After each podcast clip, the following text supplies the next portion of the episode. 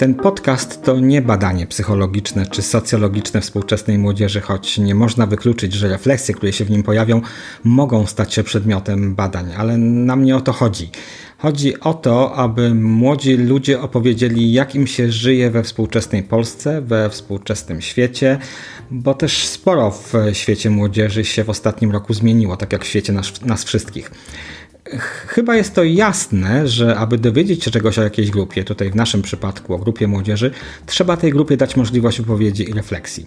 Oczywiście poglądy tu przedstawione są naszymi własnymi poglądami. Refleksje na temat świata młodych ludzi są naszymi własnymi refleksjami i na pewno nie są reprezentatywne dla wszystkich młodych ludzi w Polsce, więc nie uzurpujemy sobie prawa do reprezentowania tej grupy społecznej. Chcemy Wam pokazać kawałek młodzieżowej rzeczywistości, a Was wszystkich prosimy o komentarze i Wasze opowieści. Z założenia ten podcast skierowany jest do dwóch grup. Do samej młodzieży, bo może nasze dyskusje skłonią Was do refleksji i dzielenia się własnymi historiami, aby kawałek obrazu, który Wam pokażemy, został uzupełniony o nowe kształty i kolory ale także chcemy, aby nasz podcast docierał do osób dorosłych, które same chcą się czegoś o młodych ludziach dowiedzieć i, i może czegoś od nich nauczyć. Podcast ten powstał z potrzeby podzielenia się naszymi przemyśleniami, doświadczeniami i historiami. Powstał też z potrzeby stworzenia bezpiecznej przestrzeni dla młodych ludzi, w której mogą się wypowiadać na tematy dla nich ważne. Czasami są to tematy bardzo poważne, a czasami mniej poważne. Nie będziemy unikać tematów, które uważane są za wrażliwe, czy nawet można powiedzieć drażliwe. Będzie o edukacji, o związkach, o rodzinie, o zdrowiu psychicznym, o seksie, o internecie, o imprezowaniu i o wielu innych zagadnieniach. Zapraszamy Was zatem do słuchania i dzielenia się własnymi przemyśleniami.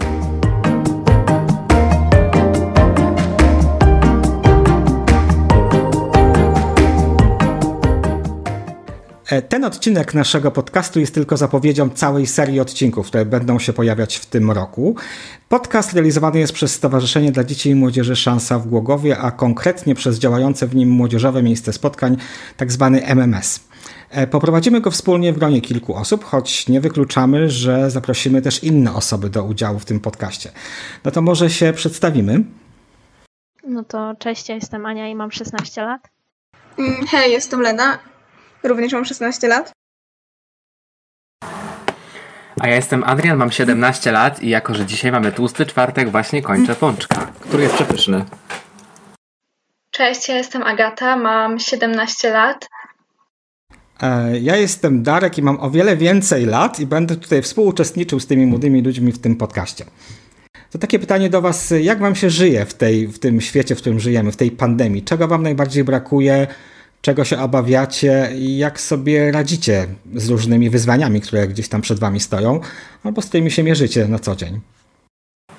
Bardzo brakuje kropli do oczu. Naprawdę jesteśmy tak przyklejeni do tych ekranów, że e, coraz częściej oczy zaczynają boleć. Ja już musiałem zaopatrzyć się w okulary ochronne i czuję się już czasami tak, że kiedy siadam do ekranu, mam wrażenie, że podchodzę do jakiegoś doświadczenia fizycznego, bo od razu muszę ubierać okulary, nauszniki E, bardzo fajnie to wygląda, kiedy się siada do lekcji. Wcale nie boleśnie w ogóle. Ja myślę też, że brakuje bardzo um, takiego luzu i poczucia, że ten właśnie dom jest taką strefą bezpieczną, jakby taką, że się odcinamy od szkoły, bo zawsze szliśmy do szkoły, wracaliśmy do domu i wiedzieliśmy, że możemy w tym domu odpocząć, a jednak jak są zdalne lekcje, to jednak ja przynajmniej mam gdzieś z tyłu głowy, że po prostu w tym domu zawsze będzie jakaś lekcja do odrobienia czy zadanie do wysłania. Robi się nudno. Przez 24 godziny oglądamy tylko cztery ściany naszego pokoju i nasze monitory. Yy, nasze plecy bolą, wołają o pomoc, oczy bolą, szczypią, pieką i mamy po po 8 godzinach lekcji dziennie mamy już tego serdecznie dosyć, a przy okazji dochodzą nam jeszcze 3 godziny odrabiania zadań domowych, które także musimy wysłać i napisać na komputerze. Jakie to było apokaliptyczne, wow. A to w moim przypadku to jest rutyna. Ja nie znoszę tej, nie znoszę ogólnie rutyny, a codziennie wstawanie, siadanie do tych samych lekcji i to, że każdy dzień wygląda tak samo, to mnie najbardziej męczy. I w sumie doszło już do tego, że średnio co dwa miesiące zmieniam kompletnie wystrój pokoju, bo już nie mogę w tej samej przestrzeni wysiedzieć. Mówiliście tak bardzo o takim wpływie tego, co się dzieje na zewnątrz, czy wokół was, czyli pandemii tak naprawdę i tego wszystkiego, co z pandemią jest związane, tak bardzo na, gdzieś tam na was indywidualnie. No ale też ta pandemia spowodowała, że gdzieś po pierwsze wasze kontakty społeczne na pewno są trochę ograniczone, bardziej ograniczone, nawet przez to, że nie chodzicie do szkoły. E, są też pewnie jeszcze inne, inne problemy. E, jaki ma to na was wpływ? Obawiacie się czegoś? Ja się trochę obawiam, że ten taki humor i podejście do lekcji mi zostanie niestety. Osobiście obawiam się tego, że pozostanie moda na bycie antyszczepionkowcem, niestety, ale um, zauważam, że w naszej, w naszy, ale fajne miny macie. Zauważam, że w naszym państwie niestety jest tak, że wiele osób jest bardzo niechętnie nastawionych do szczepionek i fakt jest taki, że niekoniecznie wyjdziemy z tej pandemii tak szybko, jakbyśmy chcieli, bo nie każdy chce wychodzić z tej pandemii najwidoczniej poprzez szczepionkę. I obawiam się właśnie tego, że nie dość, że ta moda na bycie antyszczepionkowcem pozostanie, oczywiście moda w cudzysłowie, bo to nie jest moda, Um, obawiam się po prostu tego, że w porównaniu z innymi krajami będziemy się szczepić o wiele wolniej i że to będzie trwało i trwało i trwało, kiedy inni będą z tego wychodzili. Ale ta moda, Adrian, e, o której mówisz, to no, oczywiście widzimy ją gdzieś tam w mediach, czytamy o tym. E, ja czytam przede wszystkim, że to gdzieś tam bardzo mocno dotyczy osób dorosłych. To też dotyczy młodych ludzi? Właśnie wydaje mi się, że młodzi ludzie mają tego coraz mniej, ponieważ mamy tą taką edukację podstawową na co dzień. I też fakt, że my funkcjonujemy w świecie social mediów, gdzie teraz jest bardzo dużo takich oddolnych profili, które informują o podstawowych rzeczach. Jest na przykład taka stronka na Facebooku, która się chyba nazywa Defoliator. Jest stronka to tylko teoria i nawet takie podstawowe informacje na temat szczepionek czy na temat samego wirusa do nas docierają. Natomiast to, co jest pokazywane w telewizji i to, jak łatwo jest osobę, która polega na samej telewizji, wprowadzić w narrację, że e, koronawirus jest cały czas i że my przesadzamy i że szczepionki nic nie dają i że to jest jakaś tam afera, jakaś akcja planowana przez jakieś firmy, to jest o wiele prostsze. Wydaje mi się, że akurat tutaj nas jest ciężej zmanipulować. Tak, ale młodzież to chyba nie jest taka grupa, która gdzieś tam spędza bardzo dużo czasu przed telewizją. Tak jak mówiłeś, żyjecie w świecie mediów społecznościowych, więc trochę łatwiej dotrzeć do różnych informacji. Chociaż to na pewno nie jest tak, że media społecznościowe też e, zawsze podają bardzo konkretne i prawdziwe informacje. Tak? Fakt, fakt, to jest akurat prawda, natomiast wydaje mi się, że faktycznie u nas um, ten odsetek osób, które są przeciwko szczepieniom jest o wiele mniejszy. Wydaje mi się, że bardziej wierzymy w te szczepienia, a przynajmniej bardziej chcemy, żeby ta pandemia się już skończyła, bo ona dotyka nas przez edukację zdalną chyba w największym stopniu, albo w jednym z większych stopni. Myślę, że to dlatego, że bardziej wierzymy w naukę niż starsze pokolenia. No, też chyba nie można uogólniać do końca, nie? Że, że, no, że wy wierzycie, to nie oznacza, że wszyscy młodzi ludzie wierzą. I że co do tego, że więcej korzystamy z telewizji, a mniej z mediów odwrotnie, więcej z mediów społecznościowych, a mniej z telewizji, to jest absolutnie prawda, bo zauważam to na przykładzie wczorajszego strajku mediów, gdzie wszyscy dorośli od razu mieli świadomość, że jest jakiś strajk, a mnie musieli powiedzieć koledzy z klasy, żebym weszła na stronę TVN-u, żeby zobaczyć, że dany strajk jest. I to pokazuje, jak jest generalnie różnica między tym, jak całe pokolenie, powiedzmy, moich rodziców siedzi cały czas przed telewizorem. A ja oglądam telewizor, nie wiem, raz na tydzień, żeby takie wiadomości włączyć, to tylko tak dźwięk w tle. Moja znajoma była w jeszcze ciekawszej sytuacji, jeżeli chodzi o strajk mediów. E, moja kumpela chciała ściągnąć na egzaminie i weszła sobie na Zapytaj Onet, a cały Onet wtedy był zablokowany. I tylko tak się dowiedziała, że jest strajk mediów. Właśnie chciała ściągnąć na teście. No proszę, można podczas ściągania się dowiedzieć o różnych rzeczach, które się dzieją na naszej arenie politycznej czy społecznej. E, dobra, to jeszcze jedno takie pytanie dotyczące, dotyczące pandemii. Czyta się ostatnio, też, też jest dość dużo badań dotyczących tego, w jaki sposób e, ludzie funkcjonują w czasie pandemii, czy jaki wpływ ma pandemia, szczególnie na młodych ludzi. E, i, I wiele ostatnich badań mówi o tym, że jednym z takich bardzo negatywnych mm, wpływów pandemii na młodych ludzi jest to, że młodzi ludzie mają problemy ze zdrowiem psychicznym. E, albo zaczynają mieć problemy ze zdrowiem psychicznym, że tak naprawdę cała edukacja, która gdzieś tam się zacznie w pewnym momencie, już, już nie edukacja zdalna czy stacjonarna, będzie musiała wziąć pod uwagę ten problem, że młodzi ludzie mają stany depresyjne, że, że też inne problemy natury psychicznej. Jak to wygląda w waszym przypadku, w przypadku waszych znajomych? Czy to faktycznie tak się dzieje? Mm, ja się zupełnie nie dziwię, że coraz zwiększa się liczba stanów depresyjnych i depresji e, u młodzieży, bo jednak jak pamiętamy tą kwarantannę marcową, wcześniej chodziliśmy do szkoły albo na dwór na spacery i dzieliliśmy się jednak tym, co myślimy, co uważamy, co czujemy przede wszystkim e, ze znajomymi czy też z dorosłymi, z kimkolwiek, a jednak jak była ta marcowa największa kwarantanna, to jednak dużo osób zamknęło się w sobie i dzieliło myśli tylko ze sobą i mogli, że tak powiem, od tego coś się mogło stworzyć. Macie też inne przemyślenia na ten temat? Jak to jest? Wydaje mi się, że tutaj znowu trzeba wrócić do tematu szkoły. E, zazwyczaj jest tak, że kiedy idzie się do normalnej szkoły, to siedzi się tam 8 godzin, ale jednak jest to otoczenie rówieśnicze i jest do kogo się odezwać. W sensie nawet w szkole, w ławce rozmawiamy ze sobą zazwyczaj. Na przerwach też ze sobą rozmawiamy. Tutaj nie ma takiego zjawiska. Tutaj jak siedzimy na lekcji na Teamsie, to jest 29 wyciszonych mikrofonów i jeden mikrofon nauczyciela, który mówi, plus ewentualnie ktoś, kto odpowiada na pytanie. I nie ma takiego kontaktu rówieśniczego, jaki mamy zazwyczaj w szkole, czyli um, zwyczajnych rozmów, nawet takich prostych, codziennych na temat szkoły. Tego brakuje. A po lekcjach natomiast spotykamy się z mniejszymi grupami internetowo, na przykład na Discordzie czy, czy gdzieś tam na jakichś wideoczatach. Natomiast to nie jest to samo doświadczenie szkolne i też przestawienie się z tego rytmu stacjonarnego szkolnego na rytm zdalny naprawdę jest ciężkie. I właśnie problem nasz polega na tym, że tych, to, to nie był jeden lockdown. To był lockdown w marcu, później wyjęli nas na chwilę z tego lockdownu do, na wakacje, zaczęło być normalnie wróciliśmy do lockdownu, znowu nas będą wyciągali z lockdownu i tak wyciągają nas przez różne stany psychiczne, a nas to tak troszeczkę coraz bardziej boli. Ja też myślę, że duży wpływ na całe zdrowie psychiczne miało to, że więcej czasu spędzaliśmy przed ekranem, więc przyswajaliśmy więcej e, niebieskiego światła, a to przesunęło nasz zegar biologiczny, co mogło źle wpłynąć na naszą psychikę. Ania poleciała po niebieskim świetle, a ja wydaje mi się, wydaje mi się że przy, przyswajaliśmy też bardzo dużo treści, których niekoniecznie chcieliśmy przyswajać, bo im dłużej siedzimy w internecie, tym więcej widzimy ryzykownych rzeczy. I też to, że jesteśmy zamknięci w czterech ścianach sprzyja um, takiemu bezczynnemu przeglądaniu internetu. Jakby to się już robi odruchowo, bez kontroli. TikTok chociażby.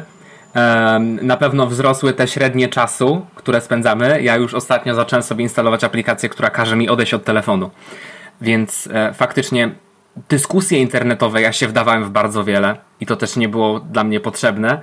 E, Ania i Lena kiwają głowami. Tak, to widać. E, taki czas właśnie sprzyja temu, żeby w internecie się angażować i pozytywnie, i negatywnie, ale właśnie przez to, że to jest kwarantanna, głównie negatywnie i tak to się kończy. Ja chciałabym jeszcze powiedzieć, że kiedy zamknęli nas y, w marcu w domu, to tak naprawdę wiele rzeczy musieliśmy odpuścić, wiele ważnych dla nas rzeczy.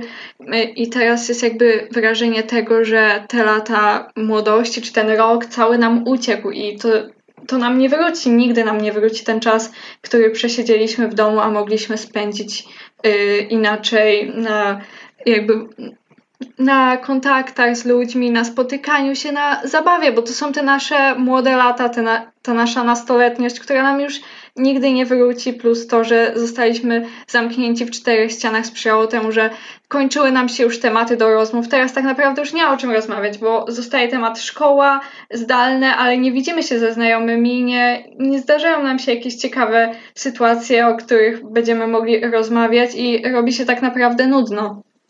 Mm, też właśnie chciałam do, do tego, co Agata mówi o tych latach młodzieńczych, to to zauważyłam, że jako jak byliśmy młodzi, to bardzo wiele w popkulturze, w telewizji, chociażby na takim głupim Disney Channel było nam pokazywane, jak to w latach młodzieńczych w liceum będziemy się super bawić, nie wiem, każda dziewczyna będzie miała chłopaka, będziemy chodzić na imprezy i inne takie fajne rzeczy, a tak naprawdę to w wieku nastoletnim zostaliśmy zamknięci już na ponad rok w domu. I myślę, że to tak bardzo załamało naszą taką wizję idealnych lat licealnych. Przynajmniej tak było w moim przypadku, że ja szłam do liceum z przekonaniem, że to będzie najlepszy okres życia, jak mi wszyscy wymawiali. I potem w marcu pierwszej klasy zostałam zamknięta w domu i nie mam tych przeżyć, które mieli chociażby moi rodzice w moim wieku, bo jedyne przeżycie, jakie ja mam w wieku lat 16, to jest jedynie przed, przed komputerem, granie w gry i ewentualnie rozmawianie na wideo ze znajomymi. To strasznie smutne, co, co mówicie. E, no jest to na pewno jakieś wasze przeżycie pokoleniowe i to takie dość mocne przeżycie pokoleniowe.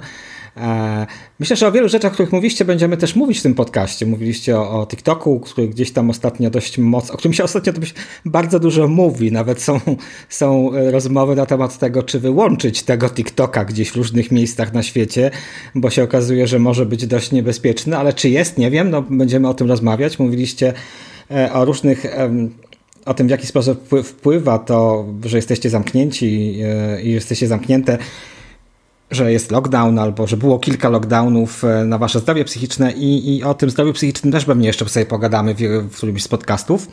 E, jeszcze jedna rzecz, tak zaczęliście trochę mówić o tym, w jaki sposób tam odbieracie sytuację społeczno-polityczną w Polsce. Mówiliście o tym strajku mediów, który wczoraj miał miejsce. E, wiele rzeczy się działo. Ostatnio też był strajk kobiet. Mm, I i też wiele można było przeczytać na temat, na temat zaangażowania młodzieży właśnie w takie działania społeczno-polityczne, że jakby młodzież wychodzi na ulicę, na ulicę że coraz więcej młodzieży jest na ulicach. Czy to faktycznie obserwujecie, że młodzież bardziej staje się zaangażowana politycznie? E, ja właśnie zauważyłam, że coraz więcej moich znajomych jakoś angażuje się w różne strajki albo dołącza do partii, tylko że dla młodych. E, żeby już jakby zacząć swoją przygodę e, z polityką i wiele osób starszych mówi, że nie powinni, że są młodzi, że jeszcze nie do końca się na tym znają, ale z drugiej strony, jeśli teraz nie zaczniemy się tym interesować, to kiedy będzie ten odpowiedni moment, żeby się tym zająć? Starsze pokolenie ma swoje przyzwyczajenia, mają już tą politykę sprzed 30 lat y, wbitą, że tak powiem, do głowy, a młodzież chce iść z postępem, chce zmieniać świat, chce robić y, jak najlepiej dla wszystkich ludzi, a niektórzy po prostu tego nie rozumieją i chcą jakby to hamować, bo boją się tego tak naprawdę, bo to jest coś nowego, a oni przez 40 lat byli przyzwyczajeni do tego, że coś jest zakazane i nagle nie jest. Dlaczego? Jakby to jest naprawdę ciężki temat i ciężko jest niektórym osobom wytłumaczyć, że no nie zawsze to, co od, od iluś tam lat było uznawane za właściwe, nadal jest właściwe, bo wszystko się zmienia. Tak, Agata poszła po starym pokoleniu, e, ja powiem coś o młodym. Wydaje mi się, że e, młode pokolenie przez to w jakich czasach żyjemy, a konkretnie w jakich rządach żyjemy, e, zaczyna sobie wyrabiać po prostu opinie. Wydaje się, że każdy w tym momencie już umie się zorientować, czy to jest lewa, czy prawa strona, góra, czy dół, jaka partia się z nimi sympatyzuje i po prostu ma opinię na temat polityki i dlatego jesteśmy tak zaangażowani, bo po prostu dotyka nas to bezpośrednio, to co dzieje się w tym momencie w państwie. I dlatego właśnie ludzie wychodzą na ulicę coraz częściej, bo mają powody i wiedzą po co idą też my ogólnie jako pokolenie, wydaje mi się, że do, dojrzeliśmy szybciej niż chociażby pokolenie naszych rodziców. Jak tam widzę typu zdjęcia, na przykład, nie wiem, ja w wieku 13 lat bawiąca się piłką i moja kuzynka w wieku lat 13 robiąca sobie zdjęcie na Instagrama. Ta popularyzacja mediów społecznościowych sprawiła, że musieliśmy dojrzeć szybciej i szybciej i że było bardzo oczekiwane, że my będziemy szybciej dorośli niż powinniśmy teoretycznie być. I dlatego też im szybciej dojrzewamy mentalnie, tym szybciej już jesteśmy wystarczająco dorośli, ze względu na to, że świat nas tak przygotował i tak nas szybko wypchnął świat, że już w tym wieku jesteśmy w stanie mieć swoje zdanie na różne tego typu tematy, czego może nie doświadczyli starsze pokolenia. Myślę, że każde pokolenie ma swoją, swoje jakieś doświadczenie pokoleniowe, tak? Gdzieś tam, jak mówiliście o tym, że coś tam było 30 czy 40 lat, no to też działy się różne rzeczy, różne rzeczy w tym kraju. No wy macie też inne doświadczenie pokoleniowe, ale faktycznie no bardzo ciekawe, co mówisz Lena o tym, że jakby oczekuje się od was, czy może nawet nie oczekuje, ale że musieliście szybciej, szybciej dorosnąć. No, nie wiem. Nawet ludzie się śmieją z roczników, bo są danym rocznikiem. Widziałam na internecie na przykład, nie wiem, że ktoś się teraz śmieje z rocznika 08, bo mają 13 lat. Jakby oni wpływali na to, czy mają 13 lat. I tak samo, nie wiem, z mojego rocznika też się śmiali parę lat temu. I to jest tak, że wszyscy się teraz wyśmiewają, może nawet mm, widzą bycie młodym jako coś złego, że chcą jak najszybciej być już, być już dojrzałym, co powoduje to, że tracimy w sumie tą magię dzieciństwa Natomiast ja uważam też, że wracając do tego tematu wychodzenia na ulicę, w 2020 roku to nam sprzyjało, bo to była jakby jedyna okazja na taką większą masową integrację z ludźmi. Zauważmy, ja nie chcę, nie, nie chcę mówić z perspektywy osoby, która na przykład by nie popierała strajków, bo um, nie wiem, czy mamy tutaj miejsce na orientacje polityczne. Chodziłem bardzo chętnie na strajki i popieram ich idee główne. Natomiast chodzi mi tu o to, że mm, zauważmy, że nie było koncertów, nie było festiwali i nagle młodzież poczuła, że ma siłę, żeby cokolwiek wyjść i coś zmienić, coś zrobić razem. E, I wydaje mi się, że to też był dosyć ważny czynnik, bo trzeba zauważyć, że te protesty, niestety młodzież na te protesty coraz tak prędzej mm, zaczynała. Jejku, zgubiłem słowa. E, ta młodzież na, te protesty zaczęła w pewnym momencie przychodzić coraz rzadziej, ale była ta taka jedna bardzo mocna fala protestowa zdjęć, fala filmików, fala kartonów i tak dalej. I to był ten moment, kiedy młodzież chyba faktycznie w 2020 roku po tych kilku miesiącach zamknięcia poczuła, że może się w końcu na coś, na jakąś ideę otworzyć.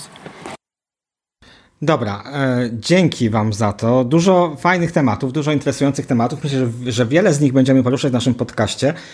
E, może ostatnią rzecz, nie wiem, czy, czy to ma sens, czy nie, ale może byście powiedzieli z Waszej perspektywy młodych ludzi, E, jak byście zachęcili swoich rówieśników do słuchania tego podcastu?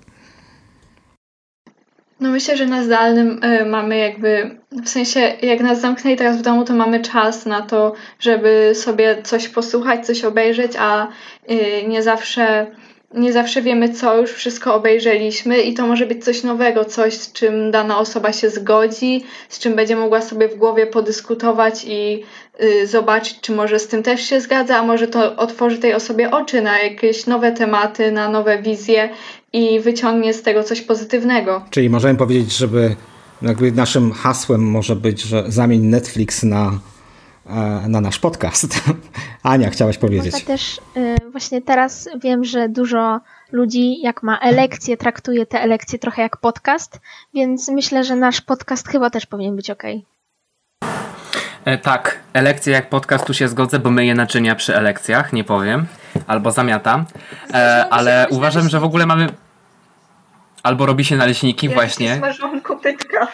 Dokładnie. E, mamy taką modę na podcasty. Mam znajomych, którzy na przykład prowadzą samochody słuchając podcastów i wydaje mi się, że fajnie jest posłuchać kogoś znajomego po tej drugiej stronie głośnika i fajnie jest też pokazać znajomym, jak łatwo jest taki podcast zrobić. I też myślę, że dla wielu, dla wielu dla wielu z nas, dla dużej ilości młodzieży, to może być taka szansa, gdzie oni zobaczą, że ktoś faktycznie też myśli tak jak oni i że ktoś faktycznie stara się ten nasz młodzieżowy sposób bycia przekazać, um, przekazać starszym pokoleniom. Bo zawsze byliśmy bagatelizowani, jako że o, to pokolenie internetowe, my nic o życiu nie wiemy i może faktycznie w końcu coś się zmieni. Ej, super, dzięki, dzięki Wam bardzo, no i spotykamy się wkrótce to tyle na dziś. Mamy nadzieję, że spotkamy się z Wami w naszym pierwszym odcinku, w którym zastanowimy się nad plusami i minusami edukacji zdalnej. Zatem do usłyszenia.